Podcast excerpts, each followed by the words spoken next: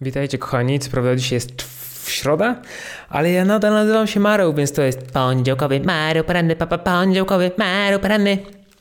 Jeżeli nie słuchaliście poprzedniego odcinka, to gorąco polecam najpierw go przesłuchać, ponieważ ten jest jego kontynuacją. Jeżeli jednak wolicie od razu słuchać tylko tego odcinka, to ok, ale pamiętajcie, że uprzedzałem. Mam też prośbę bez waszych łapek w górę, komentarzy, udostępnień. Ten podcast nie będzie rosnąć, więc jeżeli w trakcie uznacie, że jest fajnie i wam się to podobało, to gorąca prośba o wsparcie w ten sposób, a najlepiej, żebyście zrobili wszystko łącznie z zasubskrybowaniem wszystkiego. Kochani, sytuacja wokół Grega Glassmana i CrossFit Inc. rozwija się bardzo dynamicznie. Ciężko jest na bieżąco komentować to w inny sposób niż krótkimi postami, a przygotowanie tego odcinka zajęło mi chwilę, jeszcze tylko trzeba było to nagrać yy, i tak dalej. No i napisałem odcinek, mm, ten, którego słuchacie teraz. Mm, chwilę po tym, jak skończyłem, pojawiła się plotka, że Dave Castro ma zostać nowym CEO. A jak się obudziłem rano dzisiaj, to plotka się potwierdziła. Dlaczego tyle klubów zrezygnowało z afiliacji? Dlaczego tyle sportowców odcięło się od Glassmana? Dlaczego musiał zrezygnować i ustąpić miejsca na krzesełku Dave'owi Castro? Czy to cokolwiek zmieni? No więc po kolei. Dalej uważam, że ten bardzo krótki tweet Glassmana miał wydźwięk rasistowski i nie dziwię się, że ktoś na niego zareagował bardzo ostro, rezygnując z afiliacji czy uczestnictwa w gamesach, szczególnie zdając sobie sprawę z napiętej sytuacji społecznej w USA i trudnej historii czarnych Amerykanów i ich interakcji z policją, ale tak mocna reakcja może być dla niektórych zaskakująca. I od razu mówię, jeżeli ktoś ma jakiś trigger warning, że to jakieś lewactwo będzie się teraz rozlewać, że ja będę w ogóle na Glassmana naskakiwał spokojnie, Posłuchajcie do końca. Więc tak jak powiedziałem, owszem, ten tweet miał wydźwięk rasistowski, ale to nie był taki wulgarny, zamordystyczny rasizm. To było takie niezręczne gadanie starszego pana, który wychował się w innej rzeczywistości, dla którego rzeczy, które są punktem zapalnym dla wielu ludzi w dzisiejszych czasach, są zwykłą fanaberią.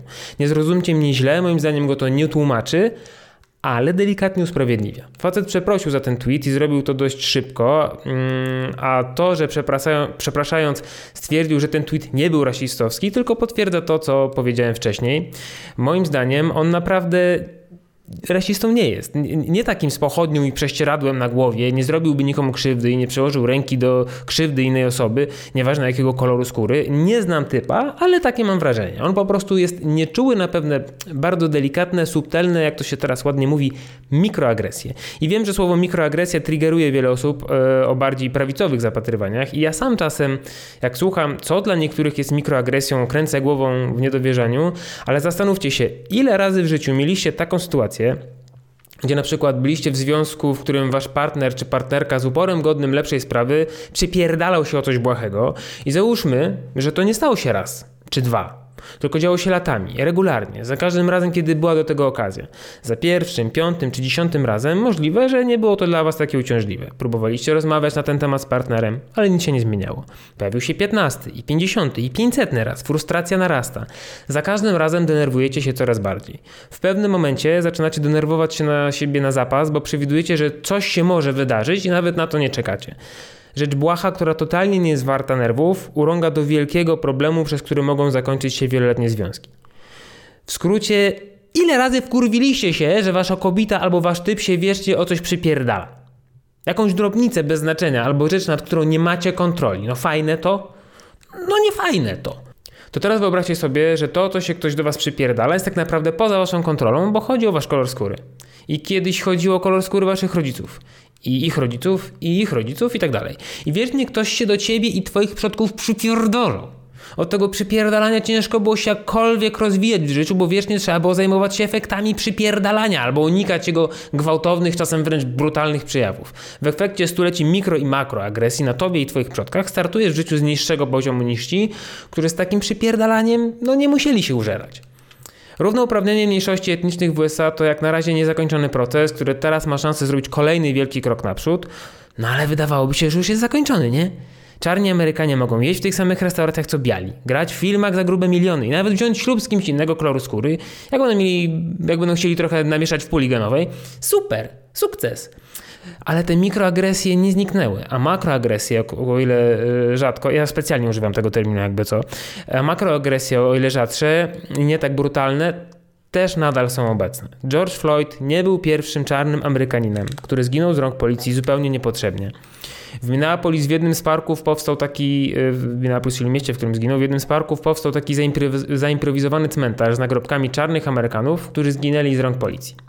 Sporo nazwisk, a nie byli to pewnie wszyscy, e, a przez Stany raz na parę lat przechodzą zamieszki i protesty zapoczątkowane przez śmierć kolejnej osoby. Czasami, a nawet przeważnie, to nie są byli wyrokowcy jak Floyd, tylko dzieci z plastikowymi pistoletami, a policjantowi się coś przewidziało i tough life, sorry. Sorry mordo. Przewidziało mi się. A nawet jeżeli Floyd miał na koncie kilka wyroków, to ostatni był zasądzony w 2007 roku, wyszedł z więzienia w 2012 i od tej pory był wolnym człowiekiem, który odsiedział swoje. Za to to zrobił. No to jak jest z tą resocjalizacją? Liczy się ta odsiadka czy nie? Bo widziałem po prostu jak ludzie naskakują na niego, że albo to wyrokowiec był. No ale Liczy się ta odsiadka czy nie? Czy mimo odsiadki do końca życia ma pokutować za swoje błędy? No ja nie wiem, pytam. No ale po co o tym wszystkim w ogóle mówię? Bo tak od tego crossfitu odchodzimy, spokojnie zaraz do niego wrócimy. Wyobraźcie sobie, że w wyniku przeszłych mikro i makroagresji stosowanych na was i waszych przodkach jesteście w ekonomicznie najniższej warstwie społeczeństwa. Prześladowani jesteście od zawsze. Teraz w wyniku pandemii to wy i wasi najbliżsi najczęściej tracicie pracę, jesteście jeszcze głębiej w dupie niż wcześniej. Natomiast złego znowu jakiś czarny Amerykanin, mimo że nie stawia oporu, że błaga policjanta, żeby z niego zszedł, bo nie może oddychać, mimo tego, że ma już kajdanki i nie sprawia zagrożenia po zatrzymaniu, ginie. Wbuchają zamieszki, sytuacja jaka jest każdy widzi. W ludziach zbiera gniew, ale i energię do działania. Pojawiają się filmy, artykuły, tweety i co tam jeszcze traktującego o rasizmie, mm, o tym jak mu przeciwdziałać, jakie może mieć przejawy.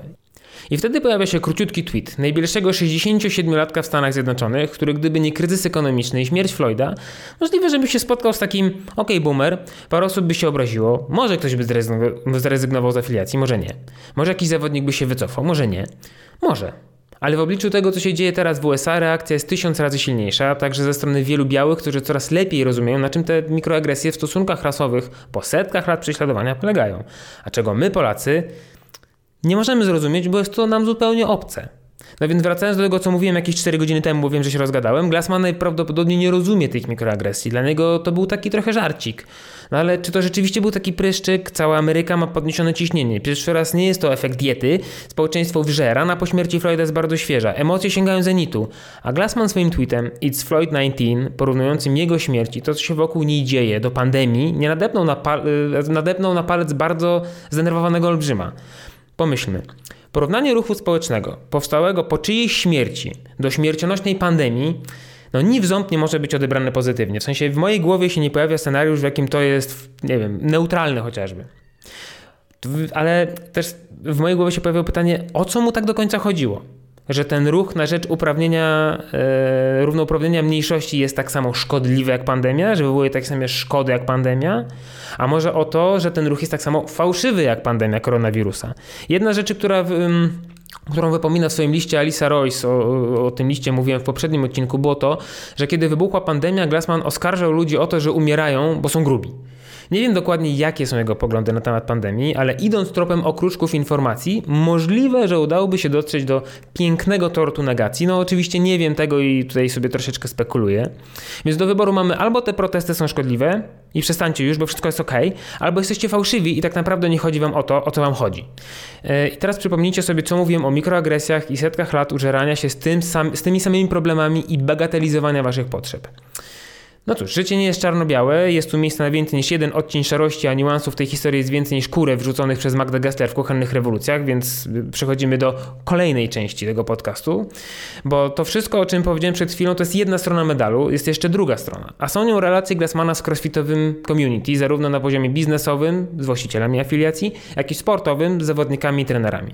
Ta część to dość mocna konfabulacja z mojej strony, ale czuję się dość pewnie wypowiadając te słowa. Dla zdecydowanej większości ludzi, którzy zdecydowali się odciąć od CrossFit HQ, czy to rezygnując z afiliacji, czy startów, to wy, te wydarzenie było pretekstem do tego, żeby przekreślić kontakty z Glassmanem grubą kreską. W liście Alice do CrossFit HQ, o którym dzisiaj tylko wspomniałem, a mówiłem więcej ostatnio, a o którym się też często zapomina w tej konwersacji, tylko tego jednego tweeta wytyka, bo sporo na temat tego, jak słabo CrossFit jako firma wywiązywał się z roli lidera, zarówno biznesowego, jak i moralnego. A na firmie a na firmę zaangażowaną społecznie CrossFit Inc. pozowało zawsze, więc właściciele klubów nie mogli liczyć na żadną pomoc w czasie pandemii ze strony statku matki. Co więcej, jak pisała Lisa, nadal kiedy zapytała kogoś na ulicy, czym jest crossfit, większość ludzi nie wie i dostaje różne rozbieżne informacje. E, porównała sytuację do McDonalda. Restauracje McDonalda to też afiliacje, ale to nie mm, ta pani Grażyna, będąca właścicielką konkretnego maka, martwi się o identyfikację wizualną, świadomość marki, równe standardy we wszystkich klubach. Tym zajmuje się centrala. Centrala CrossFit HQ nie spełniała swojej roli. Do tego, jeżeli spojrzymy na to, w jaki sposób y, odpisał nam maila Alisy i kiedy tak sobie na spokojnie sięgnę pamięcią do wszystkich filmów z Glassmanem, które widziałem, dochodzę do wniosku, że to bardzo trudny w obejściu człowiek, może nawet bardziej niż ja. Kto wie? Nie wiemy tego. Może. Na każdym filmie sprawiał wrażenie przemądrzałego wujka, któremu nic się nie da wytłumaczyć, bo on wie najlepiej i wszyscy inni to debile. Jestem mocno czulony na takich ludzi i często czuję to instynktownie i tym razem mnie chyba instynkt nie zawiódł. Na chwilę obecną na taką listę znalazłem w internecie. Z afiliacji zrezygnowało do tej pory jakieś 500 klubów na świecie. Ja tam gdzieś też widziałem, chyba Morning Checkup podawał wczoraj 750, nie wiem skąd oni mają taką informację. Ja taką listę w takim zawieszonym dokumencie na Google Drive znalazłem. Było tam mniej więcej 500 klubów. Te 500 klubów stanowi mniej więcej 3% ogólnej liczby afiliacji. Jak się spojrzy na procent, to wydaje się, że to niedużo, no, ale no, po pierwsze, ta liczba cały czas rośnie, to, to raptem w dwa dni się stało.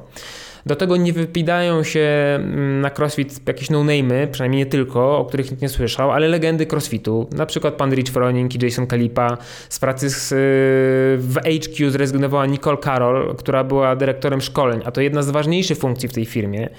Jak już mówiłem wcześniej, praktycznie wszyscy sponsorzy związani z CrossFit Inc. zrezygnowali ze współpracy.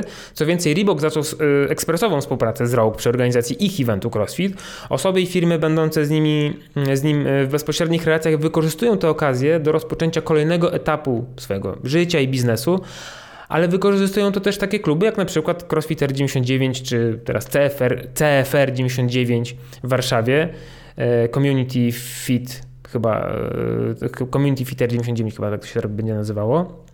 Drugi najstarszy klub CrossFit w Polsce. Ponieważ wrocławski Mjolnir z afiliacji zrezygnował już dawno temu, obecnie najstarszą afiliacją w Polsce pozostaje CrossFit Mokotów, również z Warszawy. Bartek Macek pozdrawiam. Z pewnością wiele osób potępiło Glassmana tylko dlatego, teraz uwaga, bo teraz y, te osoby, które, które wytrzymały tą pierwszą część, może teraz usłyszą coś, co by chciały usłyszeć, bo... Yy,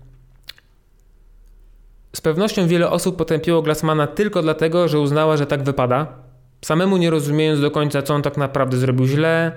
No i to już należy oceniać bardzo indywidualnie, bo jedni tak zrobią, bo nie mają mózgu i robią tak samo, to samo to stado, bo to lemingi, a inni dlatego, że nawet jeżeli nie do końca rozumieją, na czym polega, jak bardzo krzywdząca dla kogo jest ta, taka mikroagresja, to rozumieją, że ona jest ja nie rozumiem, ja osobiście, ja Marek Maromajewski, nie rozumiem, jak to jest być kobietą urodzoną w ciele mężczyzny. Nie rozumiem, jak to jest walczyć codziennie o odpowiedni rodzajnik, ale rozumiem, że to dla tej osoby jest trudne i o ile sam tego do końca nie czuje, to uszanuję jej zdanie. Paralela nie jest idealna, ale no chyba rozumiecie, o co mi tutaj chodzi, tak? Nie ma tutaj jednego, uniwersalnego czynnika. Jedni rzeczywiście chcieli postawić się rasizmowi, szczególnie płynąc teraz na tej fali nastrojów prorównościowych, ale inni chcieli zakończyć współpracę z tym denerwującym wujkiem, a jeszcze inni stwierdzili, że słowo crossfit w nazwie ich klubu nie znaczy tak wiele jak kiedyś i po prostu nie opłaca się tego dużego pieniądza co roku płacić. Ostatnio w związku z tym zamieszaniem e, na grupie CrossFit Polska e, na Facebooku znalazłem po raz pierwszy od dawna coś ciekawego, oczywiście poza linkami do mojego podcastu, he, he, he, he.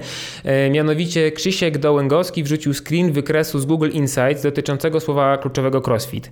Google Insights to jest takie darmowe, ogólnodostępne narzędzie Google do sprawdzania trendów, popularności słów kluczowych.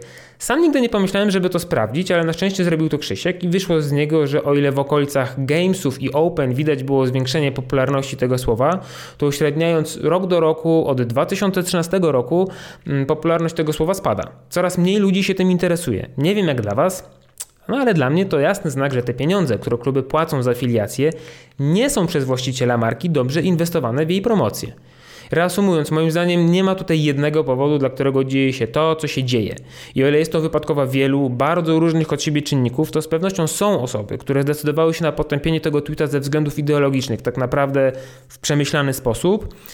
Także takie, które tylko popłynęły na fali, bo uznały, że tak wypada, ale same nie do końca czują, że ten tweet był taki straszny, jak i takie osoby, które wykorzystują sytuację do posunięć czysto biznesowych. I żadnej z tych grup się nie dziwię.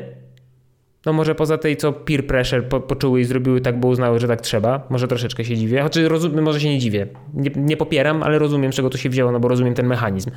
E, I tak jak wspomniałem na samym początku, reakcja była na tyle silna, że Glassman postanowił zrezygnować z krzesełka CEO i na owym krzesełku zasiądzie teraz Dave Castro. Mniej więcej 14 sekund po ogłoszeniu tej informacji pojawiły się, pojawiły się już głosy krytyki. Dave to idiota, Dave Y to tak naprawdę ta sama osoba i nic się nie zmieni.